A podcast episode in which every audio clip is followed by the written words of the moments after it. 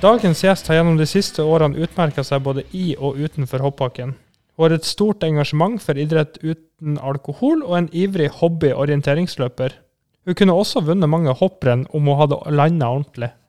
Velkommen, eh, Silje Opseth. Takk for det. Åssen går det? Jo, det går veldig bra med meg, altså. Det gjør det. Det gjør det, ja. Ja. Og så er jo du eh, den vanlige sånn Ja. ja. Bø! Oi. Ja. Ja, det blir mer sånn. Eller det enn det derre Nei, det går eh, ganske Ja, borti jeg blir, så, jeg blir satt ut av det her, jeg.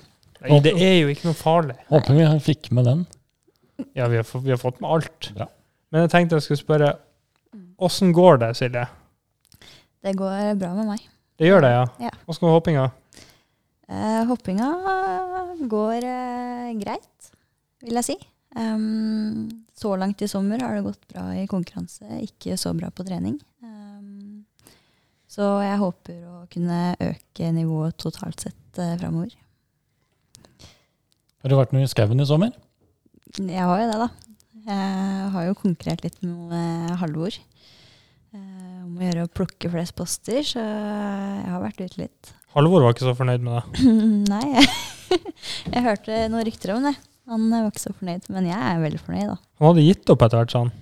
Det, det likte jeg, for da kan, kunne jeg slippe opp litt mer, jeg òg. Men, men hvor, hvor mye had, Har dere noen oversikt? Hvor mye har du løpt, og hvor mye har andre løpt? Det har Eller jeg. hvor mange poster har dere plukka? Ja, nå husker jeg ikke helt, for det er så lenge siden jeg har plukka. Da Halvor ga opp, så gadd ikke jeg mer heller. så jeg har ikke helt kontroll på det akkurat nå. Men jeg tror vel jeg har litt over 100 poster mer enn Halvor. Som vil si at eh, ja, jeg er grusom der. Og det, det, er jo, det er jo mer enn en kilometer mellom hver post. Det må jo være det. Ja, det kommer veldig an på hvor du er, men, eh, men jeg har, eh, i hvert fall eh, slått han, og det er jeg godt fornøyd med. Du hadde vel løpt noe i det siste om eh, RSM. Hva var det for noe? Eh, ja, eh, det stemmer. Um, RSM er med på eh, Barnekreftforeningens eh, løp for meg, eh, en aksjon. Så ja, i hele september så samler vi kilometer. Jeg har vært med RSM og prøvd å samle kilometer for dem. eh, til eh, inntekt, eller ikke inntekt, men i hvert fall for, for Barnekreftforeningen. Da. Så det er en fin sak. Det, jeg liker meg jo ute i skogen, eh, så jeg har ingenting imot å løpe litt eh, der. Har du overnatta noe ute i skauen i år? Nå måtte jeg tenke meg om. Ja, jeg har det. jeg har det. Det har jeg. Jeg har overnatta litt lite ute i skogen i år i forhold til hva jeg kanskje skulle ønske, men eh, jeg hadde en hengekøyetur med lillesøster eh, i sommer, og eh, et par netter i, i telt på seinvinteren. Ja, hvor, hvor kommer den der naturgleden fra det å være ute? Um, jeg tror det kommer ja, rett og slett fra mamma og pappa. Eh, de har eh, helt siden jeg var bitte liten vært veldig gode på å ta oss med ut i skog og natur. Og ja, ut og eh, oppleve det naturen har å by på. Da. Så jeg, ja, jeg tror de skal ha mye av takka for at jeg er så glad i å være ute som det er. Hva er den ultimate naturopplevelsen du har hatt? Oi eh, Tja, si det. Um, jeg er veldig glad i å, å gå på ski i fjellet med ja, god matpakke og gå en skikkelig ordentlig dagstur opp på noen topper og kjøre ned på skien. Det, det syns jeg er veldig fint. Så det må nok være noe sånt. Og så hvis du avslutter den dagen med en eh, en fin middag på primusen og krype ned i soveposen i et telt eh, på kveldstid, så tenker jeg det er ganske perfekt. Hvis du måtte velge mellom Jotunheimen eller tyske Alper, hva hadde du valgt da? Det går ikke an å velge det, vet du. Fordi bakgrunnen her er jo at foreldrene dine overraska deg. Det er vel Det må være fire år siden eller noe sånt. Når vi var på World Cup i, i Oberstdorf, hadde de med seg skiutstyr, og så plutselig, uten at uh, du visste noen ting, så dukka de opp i lobbyen på hotellet. Da, da var ikke du veldig fornøyd, husker jeg. Nei, akkurat da så var jeg ikke så veldig happy med det. Eh, jeg hadde jeg, jeg var litt lei av å reise helt på tampen av sesongen der, og hadde egentlig mest lyst til å komme meg hjem og sove i min egen seng og helst ikke se folk. Skal jeg være helt ærlig. Da ble det en tre-fire dager ekstra i Oberstdorf. Det blei det. Og eh, ikke for det, det blei ble noen veldig fine dager. Uh, og det var, var en veldig fin opplevelse. Men akkurat da så var det litt dårlig timing. Men hvor mange 2000-topper har du da? Jeg vet i hvert fall at du har, du har en del. Har du tellinga på det? Altså Hvis du Eh, tar norske, da. Nå har du vært på Nebelhorn og litt sånn. Men um, hvis du tar norske topper Jeg har ikke full kontroll på det akkurat nå, men jeg har lagd meg en sånn liste eh, med alle 2000-meterstoppene i Norge, og så setter jeg et kryss hver gang jeg har sjekka én. Um, og jeg skulle veldig gjerne ønske jeg kunne si at jeg hadde mange, men eh, jeg har ikke så veldig mange ennå. Det Har- blitt mye at vi har gått på de samme toppa om og om igjen pga. både skredfare og eh, litt utfordrende vær i fjellheimen. Eh, og når du kombinerer det med begrensa tid til å faktisk komme seg ut og gå i fjellet, så, så har det blitt litt snevert enn så lenge. Men, Du sier du har en sånn liste over alle toppene. Har du en plan om å få kryssa ut alle? Det var jo den store drømmen da da jeg lagde lista, og det var hele tanken bak det.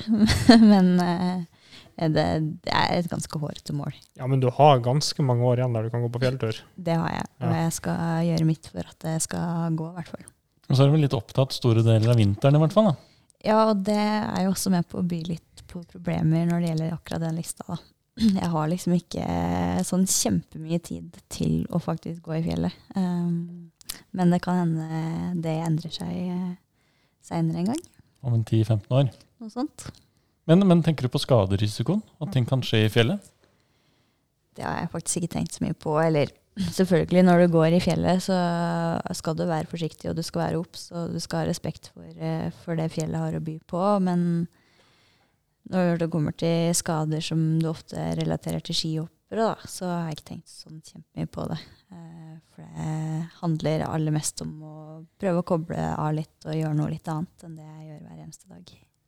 Men det er ikke noe tvil om at været kan snu fort i fjellet. Jeg har sjøl opplevd at det har gått fra sol og den eh, altså sånn fantastisk soldag, og så går det et kvarter, begynner å blåse, og plutselig er det lyn og torden og øsende regn og etter hvert tåke.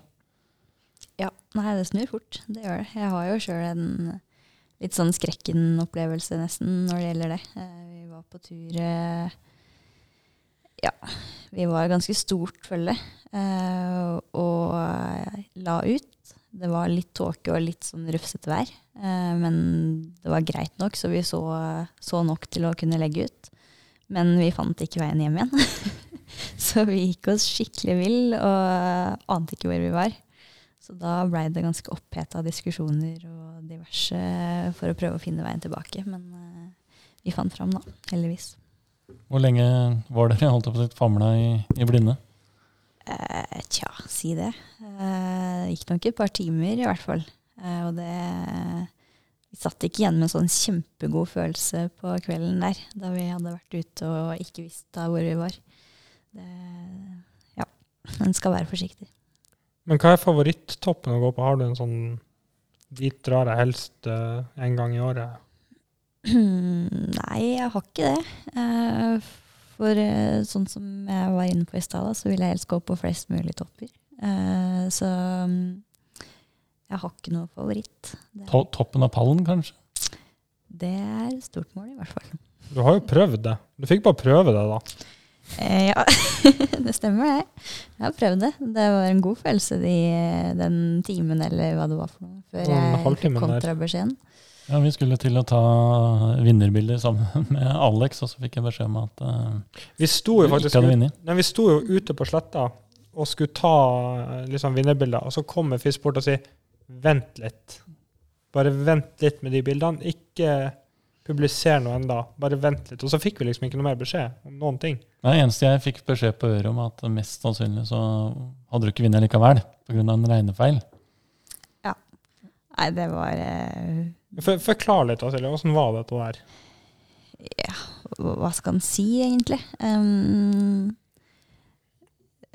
veldig kort oppsummert da, så var det en berg-og-dal-bane av følelser akkurat den dagen. Uh, for det, jeg følte meg jo bra, og vi hadde hoppa Jeg hadde hoppa bra på trening i forkant av de renna der. Og ja, jeg, jeg, visste at jeg hadde gode muligheter til å faktisk eh, ta min første seier da, hvis jeg gjorde det jeg skulle. Du ble vel nummer to dagen før? Det Det ble ble et avlyst renn i Kollen som ble Mm. til Lillehammer, og da ble du nummer to. Ja, Det stemmer. Uh, og den dagen her så hadde jeg en skikkelig god følelse, og ting svarte jo i bakken. Det stemte bra. Eh, og ja, så vant jeg, trodde jeg. Uh, og det var Det trodde vi òg. Det var, eh, ja, en, det var en skikkelig god følelse. Um, og så var det gøy å kunne dele pallen med, med Maren i tillegg. Helt til alt plutselig rakna litt. da vi fikk denne kontrabeskjeden. Og ja, jeg har vel sagt det før, at det, det gikk fra å være de beste minuttene i mitt liv til å plutselig bare bli en stor katastrofe. Um, uh, ja. Men uh, og, og det gjorde jo egentlig at jeg ikke klarte helt å glede meg over For jeg satte jo karrierebest den dagen likevel. Jeg blei nummer tre dagen før og to den dagen her, da. Eh, og det var en kjempebra norsk dag, eh, egentlig. Men det, alt havna liksom litt sånn Det blei litt sånn bittersøtt. Husker, husker du hva det første du tenkte når du fikk beskjed om at her kan det være noe feil? Um, jeg veit ikke om jeg tenkte så mye, egentlig. Jeg tror jeg var mest uh, forvirra og litt sånn paff, hvis det går an å si det. Uh, og så husker jeg veldig godt da vi satt nede i, i utstyrskontrollbua og venta på det faktiske resultatet. Eh, Det tok jo ganske lang tid. Det tok jo så lang tid at de tok jo strømmen, så det ble mørkt. Stemmer det.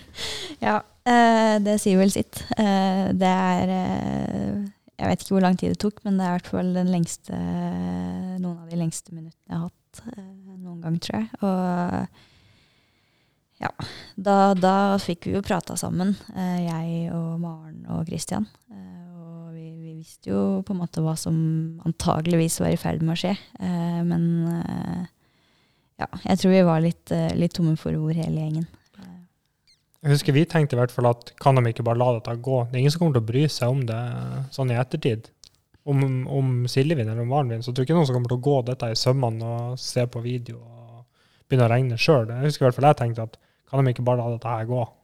Jo, men det var Ja. folk som allerede hadde begynt å spekulere. Fordi Mm. Maren hadde så lite poeng etter, eh, etter første hoppet. Så det satt folk hjemme. Jeg husker jeg fikk masse meldinger om at her må det være noe feil, fordi at de eh, savna gate-kompensasjonen. Mm. Eh, så de som satt og regna litt eh, hjemme foran eh, TV TV-skjermene, de ante jo faktisk at det var noe feil. Ja, Og når det er sagt, da, så vil jeg mye heller vinne på ordentlig vis enn eh, enn med juks, hvis du kan kalle det det. da. Men du som har det sånn historisk eh, perspektiv, har dette skjedd før? Jeg kan ikke huske at man har utropt feil vinner sånn, i hvert fall i nyere tid, men det har jo vært noen episoder fra, fra gammelt av eh, hvor det bl.a. har vært juksa litt med både rekorder osv. som har blitt oppdaga, og som da ikke er offisielle eh, verdensrekorder, f.eks. Og det har jo vært noe med noe medaljer, men noe som ikke var juks, men som blir kanskje litt i din gate, da, Silje, er jo da Espen Bredesen ga bort eh, medalje til eh, Roberto Checon fordi man ikke målte svev over eh, ja, det var vel 191 meter. Og Checon hadde hoppa bedre enn Espen Bredesen, men likevel så var Espen Bredesen best, på, best av de to da, på resultatlista. Og da endte det med at Espen Bredesen ga bort sin medalje til den rettmessige eier. Og det mener jeg det er sånn virkelig sportmanship. Da tenker man jo virkelig på sportens beste når, man, når reglene på en måte blir feil, da, og ikke fanger opp hvem som faktisk eh, har vært best av de to. Mm. Mm. Men når du prater på at um, det rennet var du i ganske bra slag, det var du vel også i Oberstdorf i vinter? Vil du bare forklare litt til Silje, hva som skjedde i, um, i andre omgangen der? Eh, ja, da skjedde vel det som ikke skal skje, da. Eh, og det som dessverre har skjedd litt for mange ganger eh, siste året, at jeg ikke veit åssen jeg skal lande. Eller i, i. Oberstdorf så, så gjorde jeg jo egentlig alt jeg skulle. Jeg bare Jeg, jeg veit faktisk Men, men hva, Ja. som, hva som skjer? Mister du konsentrasjon Det- et lite sekund, eller er det bare Eh, uflaks? nei, eller? det som skjedde der, var at jeg, jeg hoppa langt eh, og satte nedslag. Um, men så eh, fikk jeg en liten uh, en liten skeivhet eh, på den ene skia som gjorde at bakerste beinet kakka inn i framre beinet eh, i utkjøringa, og da mista jeg balansen, rett og slett. Så gikk det Du har jo ganske høy hastighet nedi der, og det er litt trøkk. Eh, så ja, da gikk jeg rett og slett rett på rumpa. Uh, dessverre noen meter for tidlig. Så det var veldig kjedelig. Men hva går igjen av hodet ditt da når du skjønner at du har det soleklart lengste hoppet, um, og så vet du at du har skusla bort sjansen din i hvert fall til å, til å ta medalje? Um, jeg tror verden raser litt sammen eh, noen eh, Ja, en liten stund der. Eh, den gjorde det. Uh, for det hele målet mitt i fjor vinter var å ta individuell medalje i VM. Eh, og jeg hadde jobba med det målet i øyesyn hele eh, sommeren, høsten og gjennom hele vinteren. Eh, og jeg visste etter omgang, nei, etter første omgang at eh, jeg hadde det innen rekkevidde hvis jeg bare gjorde det jeg skulle. Eh, og det gjorde jeg jo egentlig. Eh, Mm. Men så, ja.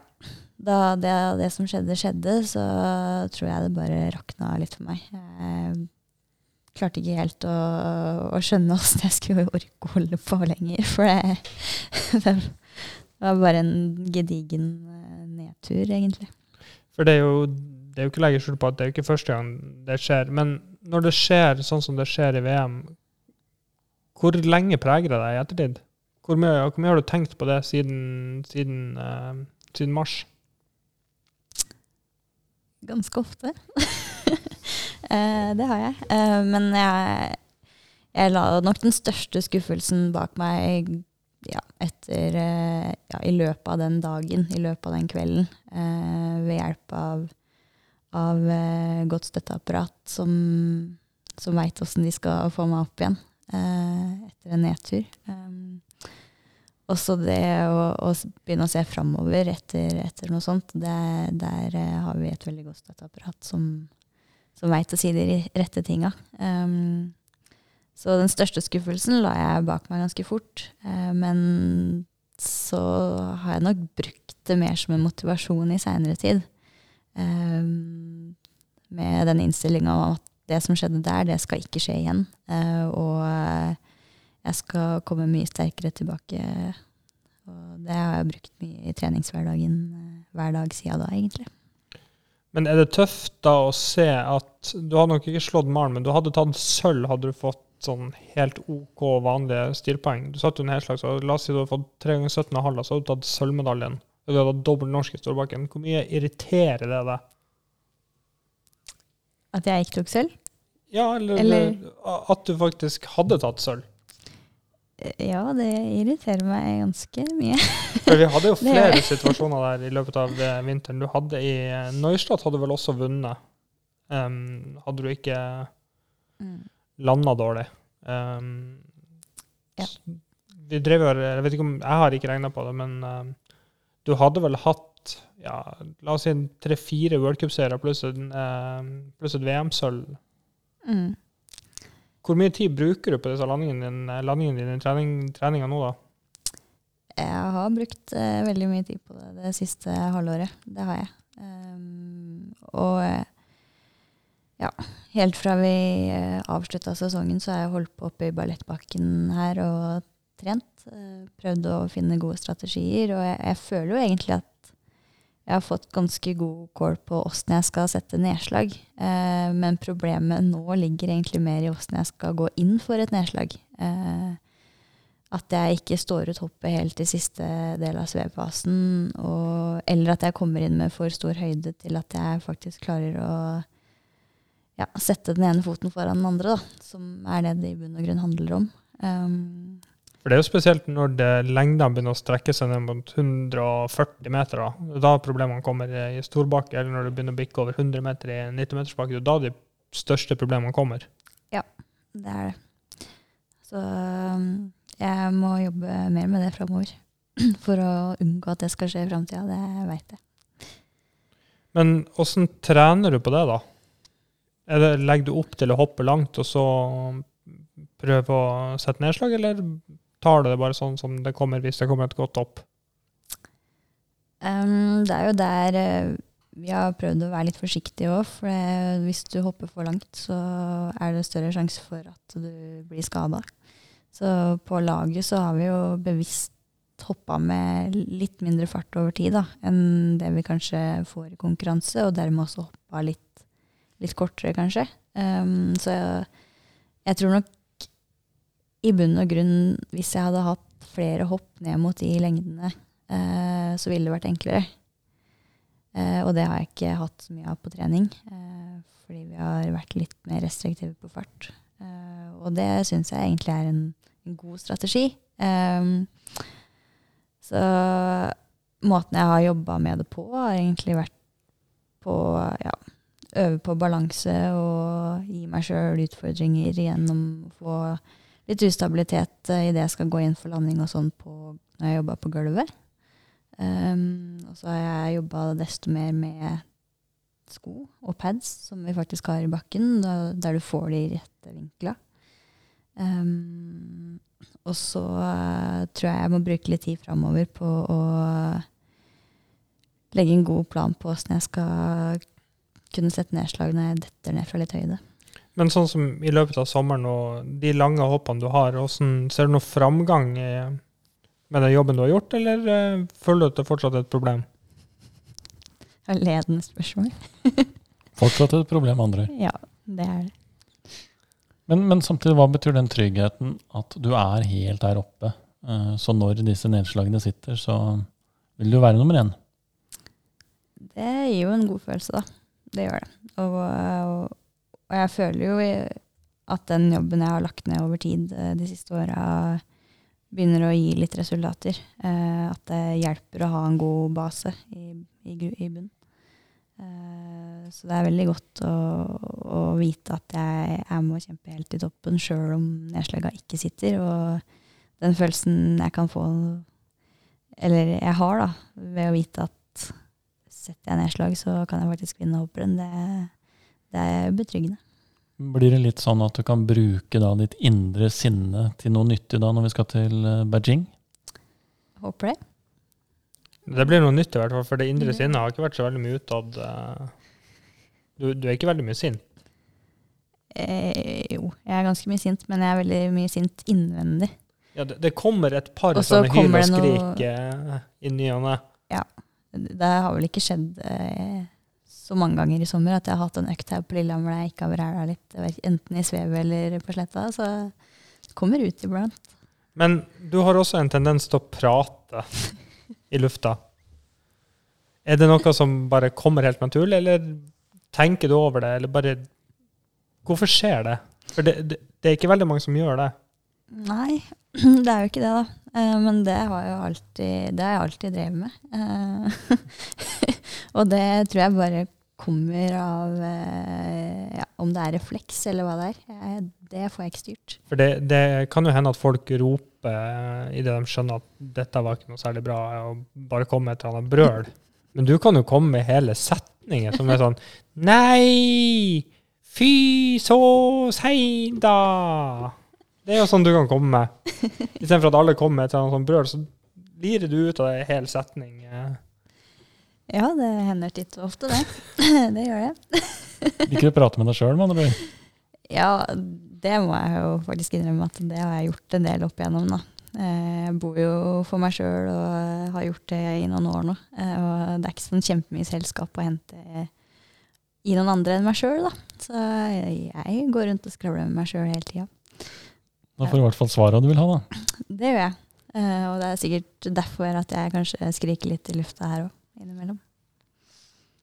Men du er også en av de få faktisk eh, som studerer. Kan ikke du forklare litt? Hva er det du studerer for noe? Eh, jo, jeg studerer ernæring eh, på nett. Så jeg tar studier på deltid. Eh, litt sånn sporadisk da jeg kan og føler jeg har tid og overskudd til det. Eh, men eh, jeg syns det er et veldig spennende emne, da. Og å få litt bedre innsikt i, ja, i alt som har med ernæring og prestasjon å gjøre. Føler du det at det er prestasjonsfrem, altså fremtredende? Altså, føler du at det, har, det studiet, at du har litt mer innsikt i, i sånne ting enn det det vanlige folk har? Føler du at det har vært med og hjulpet deg til å bli en bedre skihopper? Ja, det tror jeg. Eh, absolutt. Eh, det er jo det er jo uten tvil noe som inngår i hverdagen vår hele tida. Eh, og det å, å, få i seg riktig mat i forhold til hvordan man trener og hvordan man skal restituere godt eh, og, og, hele den pakka der, det er ekstremt viktig. Eh, så jeg føler jo at det hjelper. Og ja, at jeg forhåpentligvis får noe ut av det da, når det gjelder meg og min hverdag også. Hva skal du bli på sikt? Når du blir stor? Hadde jeg visst det, så skulle jeg sagt det, men uh, det veit jeg ikke. For du har ikke noen plan bak det med å studere eh, ernæring? Det er ikke sånn at du har en indre drøm om å bli ernæringsterapeut, eller hva det heter? Nei, jeg har ikke egentlig det. Uh, jeg har ikke noe sånn kjempeklar plan på at jeg vil bli noe innafor det. Men jeg, jeg syns jo det som har med det å gjøre, er veldig spennende. Uh, og og jeg er jo interessert i alt fra mat og matlaging til åssen kroppen ja, eh, tar imot forskjellig type mat. Da. Så ja, jeg er jo interessert i det, men jeg veit ikke om det er det jeg skal bli. Hva er du helst lagra i når du skal skjemme deg litt bort? Um, Grandiosa? nei, det er, det er i hvert fall ikke. Um, tror ikke jeg har noe sånn én spesiell ting. Jeg liker egentlig å eksperimentere litt. Jeg elsker å se på Masterchef Australia, av alle ting. Hvorfor Australia, når det finnes både norsk og UK og US? Det er litt mer eksotisk, da. Så du får litt, uh, litt sånn breiere inntrykk enn det du får her hjemme i Norge. Um, så jeg, jeg, digger å hente inspirasjon der og, og prøve meg fram med nye oppskrifter og nye smakskombinasjoner osv. Men er du god til å lage mat? Det kommer nok an på hvem du spør. Jeg syns ikke jeg er så veldig god på å lage mat, men jeg lagde en treretters til mamma og pappa i, i gave her for litt siden, og de var veldig fornøyd, så det kommer helt an på. Hva serverte du, da? Uh, ja, husker jeg det? Jeg serverte uh, Forrett så serverte jeg en sånn uh, sashimi, salma, avokado, mango-variant uh, uh, med, med, asparagus, tror jeg. Og så til hovedrett så lagde jeg hjemmelaga ravioli med ricotta og spinatfyll med en paprikasaus og kylling. Uh, og så til dessert så var det hjemmelaga rabarbrais eh, med litt frisk rabarbra og litt crumble. Det er ikke så gærent. Det høres ut som en sånn mini-Hellstrøm. ja, det er noe annet enn det jeg pleier å få i meg, som pleier å bestå av gluten og farse. Eller den elgen du får i deg. ja, altså jeg er jo glad i det som kommer fra, fra naturen. Åssen er det med, for med sopp, du som er med ute i, i skogen? Er det noe som du tar med deg på tallerken? Eh, jeg er veldig glad i sopp og, og spise det, men jeg er veldig dårlig på å finne det og plukke det. Eh, plukke det riktige? Og, ja, ikke minst den riktige. Så jeg er litt, litt sånn skeptisk til å plukke med meg sopp sjøl, i tilfelle det ikke er spiselig. Men når du er på tur, da, hva, la oss si at du er to eller tre dager på fjellet. Mm. Hva spiser du da? Har du med deg mye mat, eller satser du på fiske og Uh, jeg har nok stort sett med meg mat, det har jeg. Uh, men jeg er ikke noe fan av disse her realturmatene og, og disse posene du får kjøpt. Og rett i koppen. Eh, Så det går nok eh, i råvarer, og at jeg kan tilberede det sjøl, ja. Selv du, du tar heller da og bærer med deg et par kilo ekstra med råvarer istedenfor å kjøre en rett i koppen og real turmat? Eh, Det gjør jeg, vet du. Ta med halve kjøkkenutstyret, da, eller? Ja, i hvert fall det aller eh, viktigste. Det gjør jeg. Det høres ut som en sånn programserie på tur med Silje. Lag, ma- lag turmat med Silje. Ja. Vet ikke om det hadde vært så veldig spennende å følge med på, men Minutt for minutt. ja. Men apropos, apropos eh, følelser, Silje. Husker vi var i mm, Lahti. Det var egentlig første gang jeg ble kjent med deg, og da var du fryktelig skuffa, husker jeg, og gråt for å åpne kameraer der, og ble en, faktisk en sånn liten yndling, da, fordi du gikk rett hjem hos folk. Eh, Hvordan opplevde du det? Ehm, ja, det var jo øh, Hva skal jeg si? Eh, det, var, det var en spesiell situasjon. Eh, det var det. Ehm, jeg var ikke noe, jeg var ikke noe kjempeslag den sesongen der, rett og slett. Eh, og eh, ja, jeg var veldig glad for å få en, lag, nei, en plass på mikslaget. Og så var jeg ekstremt skuffa over egen innsats eh, etter, eh, etter det rennet der. Eh, jeg, jeg husker jeg syntes det kjentes ut som jeg satsa midt i radien. Jeg så, hadde så overtenning og var så spent, og det var så mye nerver som jeg ikke hadde sjans til å kontrollere. Jeg glemte jo skia mine på vei opp til toppen i tillegg, og sneik foran hun jeg skulle hoppe etter, og det var ikke måte på. Så det var vel min første smakebit på skikkelig nervøsitet. Og det ga ikke akkurat noe god uttelling, for å si det sånn. Det var vel også fort vekk første hele sesongen du var med, var det ikke det? Eh, jo, eh, det var det. Du var vel innom eh, året før, men det, den 16-17-sesongen var vel fort vekk hele Altså den fulle sesongen du var med på. Mm, det stemmer. Jeg var, var med på enkeltrenn innimellom sesongen i forkant, og så var det sesongen jeg var med på alt. Hvordan opplevde du første møte med mediene? Det ble jo litt sånn fokus på, på prestasjon, og ikke minst tårene etterpå, da, som bare rant i strie strømmer. Ja, ja det blei jo det. Um, jeg jeg syns jo egentlig jeg ble behandla ganske, ganske pent, uh, heldigvis. Um, og så er jo jeg litt sånn at jeg klarer ikke å holde ting inni meg, sjøl om jeg gjerne skulle ønske at jeg kunne det innimellom. Uh, er jeg skuffa, så renner det ut. Det får jeg ikke styrt. så da, da blei det sånn da, at jeg måtte stå og grine litt. eh, Og det det er ikke første gangen det har skjedd, og sikkert ikke siste heller. Eh, men det er nå sånn jeg er. Du har jo, ikke for å være stygg, men du har jo grinet litt på TV. Åssen Har reaksjoner fra folk vært, egentlig? Hva sier, hva sier folk? Um, jeg har ikke fått så veldig mye tilbakemeldinger på det, faktisk. Uh, det har vel bare blitt til at det er den Silje jeg Eller det er sånn Silje er, da. Så folk er vant med det. Jeg vet ikke. Ja, så liksom Enten så er det latter, eller så er det tårer. Åssen hadde du vært med, eller hadde det vært for deg å vært med Det er ikke lov å le på hytta?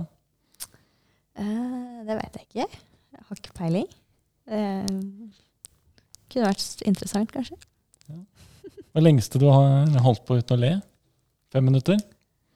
Nei, jeg går jo mye for meg sjøl hjemme, da, så da ler jeg jo ikke. Jeg går jo ikke rundt og skrattler eh, av mine egne vitser, akkurat. men, men det er jo mye blid òg.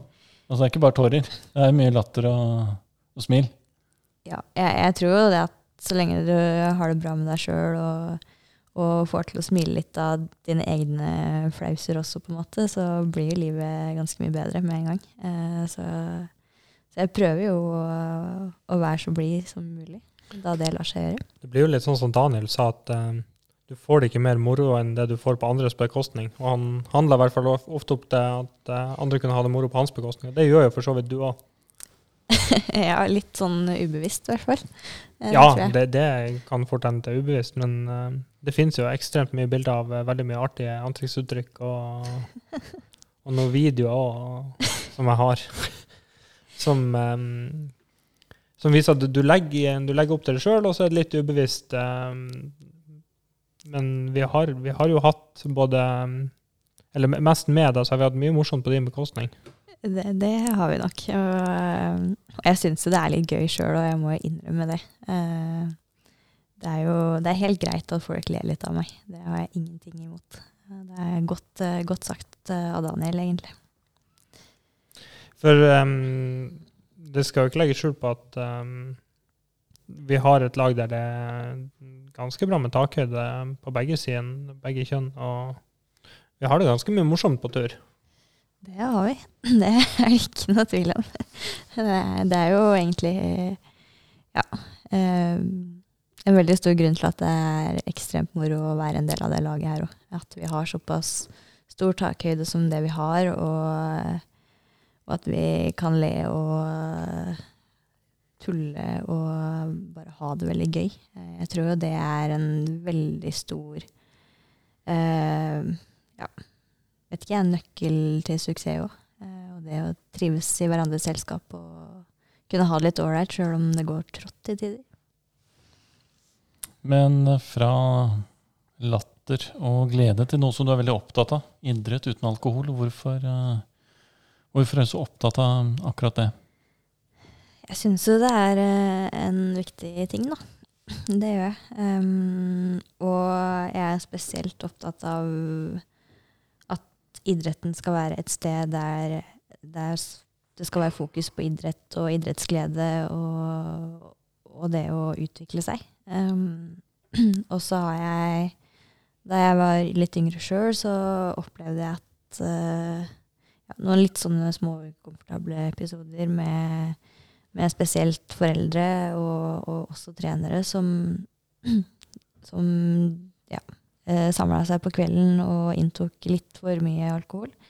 Og at det kunne gå litt på bekostning av, av ungene som faktisk uh, skulle drive idrett. Um, og det, har nok, det satte nok litt spor. Eh, og det er jo derfor jeg, jeg, engasjerer meg såpass som jeg gjør i den saken her òg. For jeg, mener at eh, idrettsarenaer skal være alkoholfri sone. Eh, der fokuset skal være på, på det sportslige. Um, og det I litt for mange situasjoner så er det ikke sånn. så det er derfor jeg er så interessert i det som er.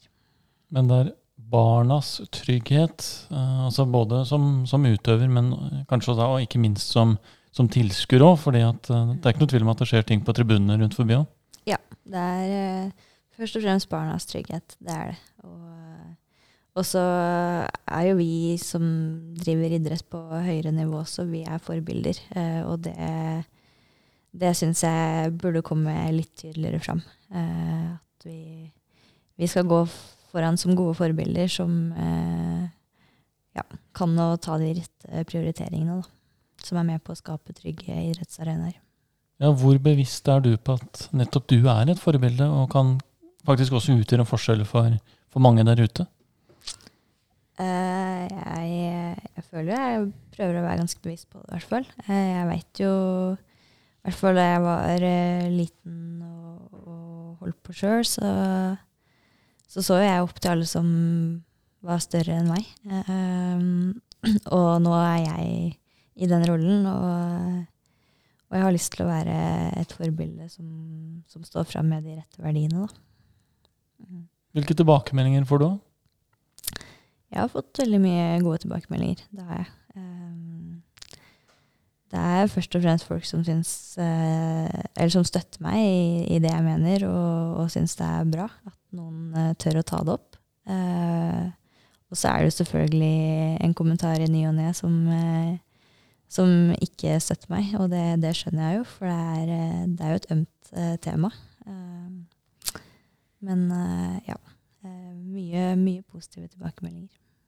Men hvordan er det å være da et, et ansikt for idrett uten alkohol? Altså Hvordan er det å fronte noe slikt?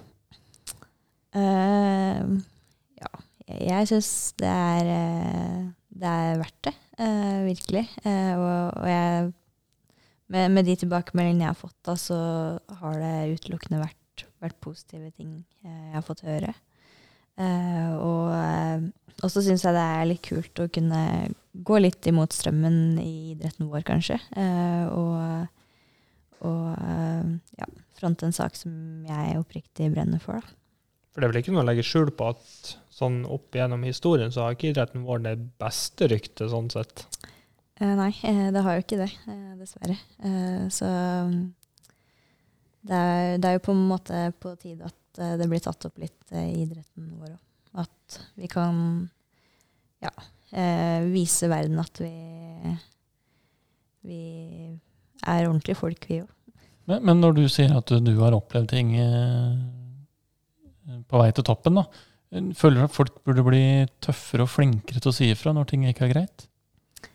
Eh, ja. Eh, hadde det vært så enkelt, så, så syns jeg jo det. Eh, og, og, det burde det vært full forståelse for rundt om i alt fra klubber til kretser også. Men så veit jeg jo at uh, det, er ikke, det, er ikke, så lett uh, som det er sagt. Um, som, som, jeg var litt inne på i stad, så er det veldig ømfintlig for mange. Eh, og det å da være den personen som, som står fram og sier fra at det her syns jeg ikke er greit, det, det er ikke bestandig kjempeenkelt.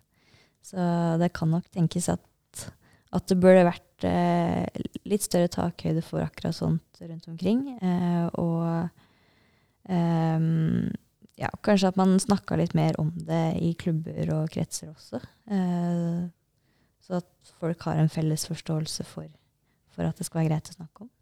Men, men det ikke da også et lite paradoks når vi reiser rundt? da? I Norge er det ikke lov med reklame for, for, alkohol, men vi ser jo f.eks. i, i Mellom-Europa så er det jo nokså vanlig. Hvordan, hvordan, opplever du at det faktisk da frontes f.eks. Eh, ølmerker mens du skal konkurrere? Um, jeg veit jo det at i bunn og grunn så handler akkurat det der om økonomi. Eh, og og jeg syns jo det er eh, litt trist at uh, man på en måte må, kun, må fronte sånne ting uh, for å få det til å gå rundt. Men uh, jeg må innrømme at jeg ikke har tenkt sånn kjempemye over akkurat det problemet. for det, det får være som det er. og så får jeg fokusere på det som er her hjemme i Norge, og, og prøve å utgjøre en, en forskjell blant de som eh, vokser opp eh, og driver idrett eh, her hjemme. Da. For du har vel i løpet av karrieren hoppa med ganske mye forskjellig på både på, på startnummer og sånn du har, har, du noen gang vurdert å bare sagt sånn at det her hopper ikke jeg med? eh, nei, jeg har ikke det. Eh, for da er jo konsekvensen at jeg ikke får hoppe. Eh, og jeg driver først og fremst med idrett for å få lov til å hoppe, da. Og få lov til å prøve å prestere. Og ja, hvis jeg skulle gått i protest, så hadde det ikke gått ut over andre enn meg sjøl til syvende og sist. Ja, for du, du, tror ikke jeg kunne vært med på å gjøre Altså starte en eller annen sånn bevegelse nede i Europa? Jeg tror jeg har lite påvirkningskraft akkurat der, altså. Eh, jeg tror det. Um, så nei. Jeg har, jeg, har, vurdert å stå på pallen og få en sånn champagneflaske og sprette den og helle den ut, men uh, jeg kan ikke gjøre det.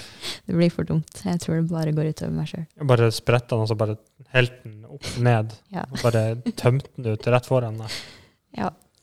Men, men, det er jo en interessant diskusjon, faktisk. Jeg kom til å tenke på favorittlaget mitt i England. Liverpool var jo i Norge mange, mange år. Og de fikk jo Carlsberg som eh, draktsponsor.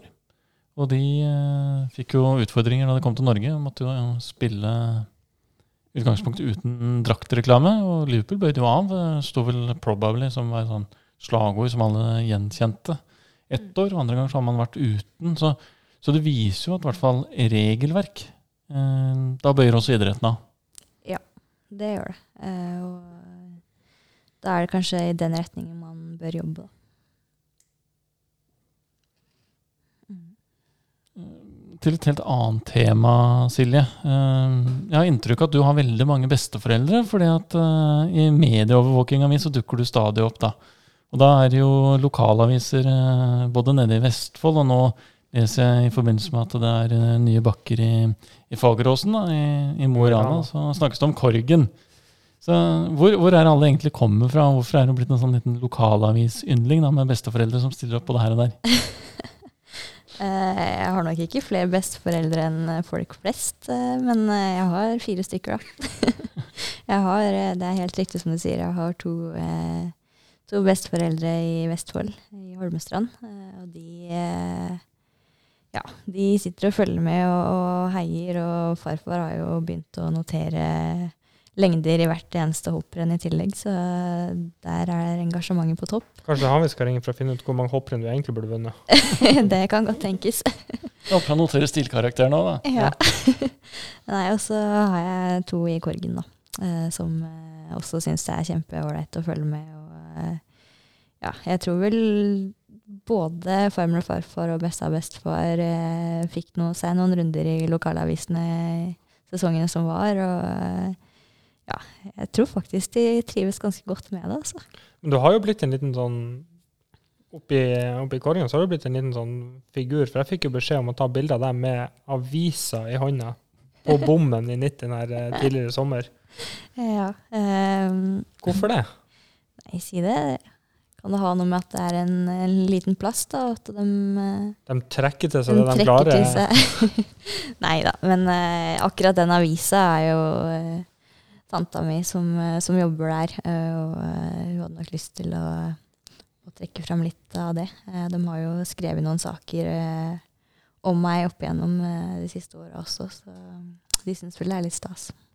Hva, hva tenker du om at det kommer ny bakke, eller nytt anlegg med plast i, i Fageråsen? De står jo virkelig på for å løfte hoppsporten i Nord-Norge. Det syns jeg er skikkelig kult. Uh, vi trenger flere, flere bakker med litt ålreit størrelse i Norge, og den jobben de har lagt ned der oppe, er jo helt uh, enorm. Uh, så jeg gleder meg skikkelig til å kunne sette ut for en ny bakke med plast i Norge. Og ja, jeg tror det blir skikkelig bra. Ja. Hvor ofte er dere i Korgen, da? Eh, de siste åra så har det nok ikke blitt mer enn én til to ganger i året. Eh, det har det ikke. Um, det, er, det er et stykke å dra, og tida strekker ikke alltid helt til. Um, men det er kjempekoselig da vi først eh, er der oppe. Hva er det beste med Nord-Norge? Um, Man bør passe på hva du sier. ja, jeg veit.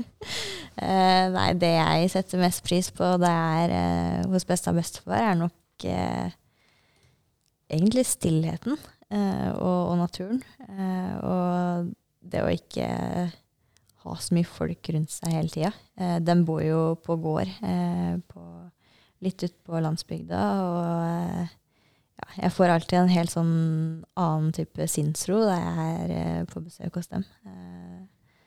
Som gir meg en sånn, ja, en, en god følelse, da. Og følelse av å ja, ha, ha, ha det bra, rett og slett.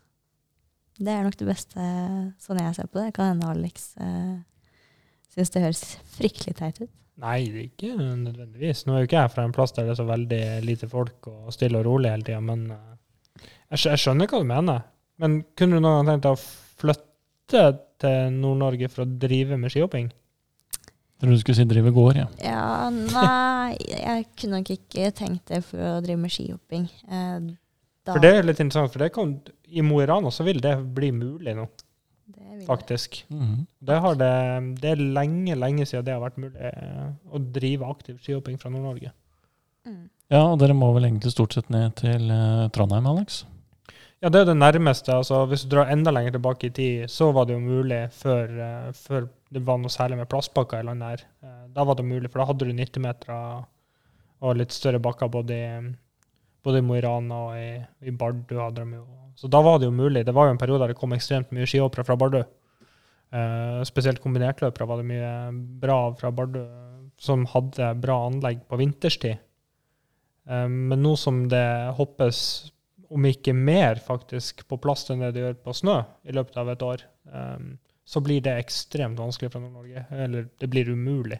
Skal du bli god. Det, det, det er vel ingen som jeg vet om de siste ja, la oss si 30 årene som har vært og bodd i sin aktive karriere i Nord-Norge. Det er det som er litt problemet. Nå blir det faktisk mulig å, å faktisk satse skihopping eh, i Nord-Norge. Du må ikke flytte til Trondheim, eller du må ikke, du må ikke flytte 30 timer i bil unna for å, for å satse skihopping. mange skihoppere er i Holeværingen på Ringerike? Skulle ønske jeg kunne si at det var kjempemange, men uh, det er fort vekk eh, meg og søstera mi og uh, ja, jeg vet ikke om det er et par til. Så det er ikke sånn kjempemange. Hvor, ikke- hvor gammel er søster blitt? Hun begynte på ungdomsskolen nå, så hun er vel Det er flaut at jeg ikke kan det, men eh, det, blir vel 13 da, neste år. Så her snakker vi at dere kanskje kan hoppe sammen da, om noen år. Ja, eh, det kan tenkes, det. Hun eh, har nå i hvert fall gått høyt ut og sagt at hun vil hoppe sammen med meg. Så jeg, jeg håper at hun kommer opp, og at hun, at hun vil være med og synes det er ålreit å drive med. Det hadde vært skikkelig kult. Men har hun begynt med hopping pga. deg, eller er, eller er det noe annet som ligger bak? Nei, hun har nok begynt uh, pga. meg. Det har hun. Uh, fulgt i, i sine storesøstres uh, fotspor. Uh, hun midterste søstera vår, eller ja, hun hoppa vel et års tid, hun også, før hun syntes det var drittkjedelig og har hata hoppsporten siden. Hun ser på når du hopper, eller? Nei, det gjør jeg ikke. Eh, jeg gjør ikke det. Hun, uh, hun syns ikke det er noe særlig stas. Men eh, hun yngste syns det er skikkelig gøy. Og eh, ja, i sommer så fikk jeg skikkelig treningskick og begynte å trene tre økter om dagen og sånn. Det varte riktignok bare en uke, men eh, hun, hun er innom innimellom, og det, det er kult. Er det, er det ting du sier til hun som du på en måte har lært at kanskje er dumt å gjøre, f.eks.? Um, veldig mye, egentlig. Jeg tror ikke det. Um, men jeg har jo i hvert fall råda til å prøve å være så allsidig som mulig. Hun er fortsatt uh, ung, og ja, eh, det viktigste er å få inn, uh, inn aktivitet gjennom masse forskjellig. Uh, og så for å lande på det jeg ønsker å gjøre etter hvert. Men hun fikk jo da også en litt annen Hun har jo drevet på en sikkert lengre altså, enn det du gjorde når du var så ung, for du begynte ganske seint, gjorde du ikke det? Jo, jeg begynte å hoppe da jeg var elleve, så hun har jo eh, Hun vil jo ha et annet teknisk grunnlag i hvert fall, og en litt annen forståelse av skihopping når hun er 11 enn det du hadde når du var 11. Mm, uten tvil. Hun har jo omtrent fått inn med, med blodet, nesten, hun, hun der. Så. For det blir litt spennende, for da har du jo på en måte Det har jo skjedd før, eh, akkurat nesten helt lik case med, med forfangfamilien. For Daniel begynte jo også når han var ganske gammel, sånn sett. Og så har du da en lillebror som er ganske mye yngre, som går i de fotsporene der og får inn den tekniske forståelsen av biten for skihopping mye, mye tidligere. Så det mm, kan Ja, og, han, og han, Johan trente jo da med de som var litt eldre enn seg. Ja, ja.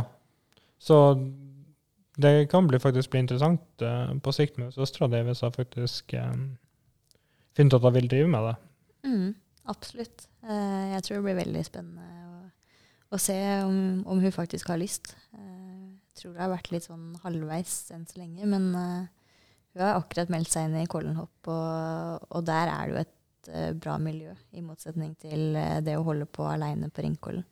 Så, så hvis hun virkelig ja, blir dratt inn i det miljøet og, og trives så godt som det gjør akkurat nå, i hvert fall, så kan det bli veldig kult å følge med etter hvert. Men når skjønte du at du hadde det som skulle til? Um, ja, si det. Um, sitter Nei. Ehm, ja, si det. Um, jeg jeg syns jo det var veldig gøy å drive med Eller hoppe på ski helt fra jeg begynte. Jeg blei jo bitt av basillen med en gang jeg prøvde det omtrent. Eh, og så holdt jeg jo på med, med kombinert i, ja, i en del år. Tre-fire år, kanskje. Eh, før jeg skjønte at det var skihopping jeg, jeg ville drive med fullt og helt. Um, så det var vel omtrent ja, da jeg starta på NTG, kanskje, at jeg skjønte at uh, det er skihopping som på en måte det, det er der jeg har hatt størst utvikling, og det er det jeg syns er aller kulest å drive med. Um, så da blei det gradvis mer og mer kun hopp. Uh, og um, ja. Så ja. Og så kommer et OL da til vinteren. Uh, Hvor ligger ambisjonene? Um, jo, de jeg, jeg har sagt det sagt det høyt flere ganger at uh, Får du si det høyt her òg? ja. Nei, hovedmålet til vinteren det er individuelt uh, OL-gull i Beijing. Da ble lista lagt. Så um, Det var høyt. Det er på Sergej Bobka-nivå, det der. Men det kan være en eh, Skal du vinne OL-gull, så er du nødt til å hoppe langt. og jeg er nødt Og til å lande pent. Og du er nødt til å lande pent. Så ja, jeg er veldig klar over det. Jeg jobber med det hver eneste dag. Hvordan ser du for deg sesongen som kommer, da? Nå blir det jo Det blir jo gradvis flere og flere renn, og det blir gradvis flere og flere renn i storbakke. Um, nå hadde vi jo selvfølgelig alle håpa at det skulle bli skiflygning, det ble det ikke, men det skal bli Villingen. Hva tenker du? Jeg tenker at vi går eh, den råeste sesongen eh, vi har hatt noen gang i møte. Eh, og jeg tror det kan bli skikkelig moro. Um, jeg har jo ikke lagt skjul på det noen gang, at jeg foretrekker storbakke framfor eh, disse litt halvstusslige 90-metera vi har hoppa ganske mye i. Eh, så eh, ja, jeg gleder meg enormt til sesongen. Og jeg håper jeg kan være med å, å kjempe om, eh, om seier hele vinteren, egentlig.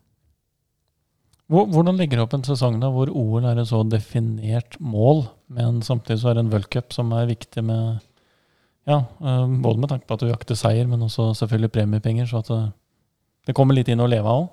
Mm. Um, jeg føler jo egentlig jeg la et veldig, ja, en veldig god plan eh, allerede i våres, eh, med tanke på hvordan jeg skulle legge opp treninga gjennom både sommeren og høsten, og ja, egentlig for å være best mulig forberedt til vi starter her på Lillehammer i desember. Eh, og, og enn så lenge så har jeg klart å følge den planen til punkt og prikke. Eh, ting kjennes ålreit ut. Jeg har eh, fått lagt et bra grunnlag fysisk, og det kjennes mer og mer stabilt ut teknisk også. Så mm, nå handler det jo om, om å bruke de siste månedene som er igjen inn mot eh, vinterstart, eh, til å ja, eh, preppe, da, egentlig. Gjøre meg så klar som mulig. Egentlig prøve å samle litt overskudd, så jeg har litt å gå på. Um, jeg har jo gjennom hele sommeren eh, trent en god del, eh, så jeg har kanskje ikke hatt eh, det største overskuddet. Eh, så håper jeg kan lade opp eh, det litt inn mot vinterstart. Og så, se, og så har jeg egentlig fokus på Og jeg kommer nok til å gå inn i hver konkurranse med, med fokus på det jeg skal gjøre, med mål om å, å være med og kjempe helt i toppen. Um, og så eh, får vi se da, om jeg klarer å ta ut det lille ekstra, spesielt i OL. Hvem blir den største konkurrenten da, i løpet av vinteren? Hvem, blir, hvem anser du som den største favoritten? Hvis jeg ser tilbake på fjorårssesongen og også hvordan det har sett ut i sommer, så, så antar jeg at Kramer kommer til å være sterk. Um, måten hun hopper på, ser jo det- Det ser veldig stabilt og bra ut. Um, Men òg litt rufsete landinger. Ja. så jeg håper jeg kan slå av på det, da. Men hun har jo også, sånn som i fjor, for eksempel, en tendens til å hoppe ekstremt bra tidvis. Men når det kommer ting som gjelder litt ekstra, så har hun, i hvert fall i vinteren som gikk, så faller hun Mm. Hvorfor det, tror du? Nei, om det er nerver, da, og store forhåpninger, kanskje. Eh, Det er jo umulig for meg å spekulere i akkurat eh, hva som setter hun ut. Eh, Men jeg blir jo overraska om hun ikke har prøvd å lære av, av de erfaringene hun har gjort seg til nå, da. Og at hun ikke kommer til å Eller jeg tror hun kommer til å dra nytte av VM i Oberstdorf i OL, f.eks. Uh, så jeg anser hun som den største konkurrenten.